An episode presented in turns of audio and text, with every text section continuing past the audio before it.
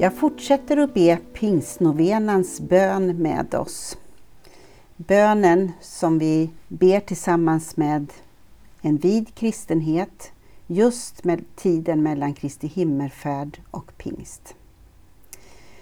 En del av bönen så ber vi att den heliga Anden, godhetens och sanningens ande, ska komma och fylla våra hjärtan med kärlekens eld.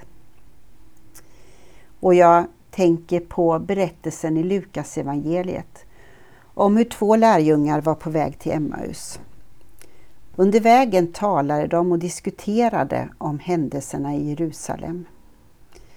En tredje person ansluter under vägen och undrar vad, vad pratar ni om? Och lärjungarna berättar. Vi pratar om detta med Jesus från Nasaret. Han blev utlämnad till döden och korsfäst.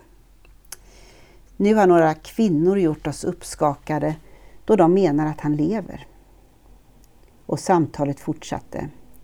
När de kommer fram så frågar lärjungarna om inte den tredje vill följa med in och äta. Och de lägger sig till bords och när främlingen vid måltiden tog brödet, bröt det och gav åt dem, då öppnades deras ögon och de kände igen främlingen som Jesus. Lärjungarna sa till varandra, brann inte våra hjärtan när han talade till oss på vägen? Jag tror att godhetens och sanningens ande hjälper oss att se och ibland stå ut med verkligheten som den är.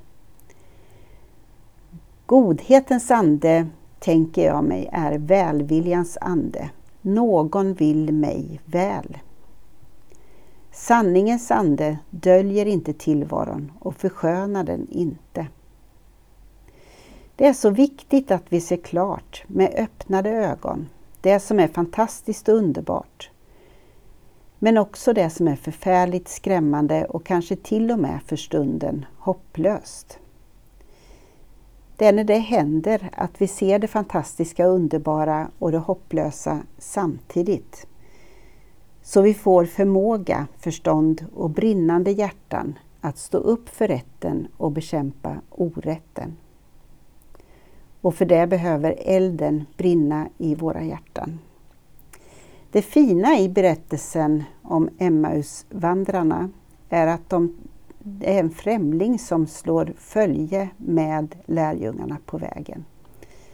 De vågar öppna upp, dela med sig av sitt samtal och de vågar ta emot denna främlingen hem till sig för att dela måltiden. Och de fick därmed en brand i sina hjärtan. Godhetens och sanningens ande. Vi ber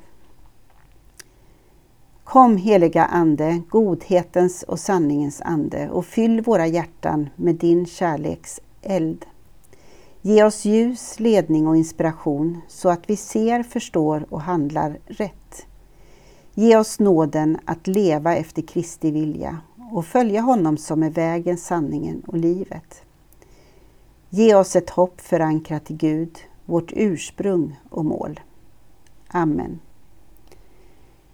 Gud välsignar dig och din dag och jag önskar dig ett brinnande hjärta.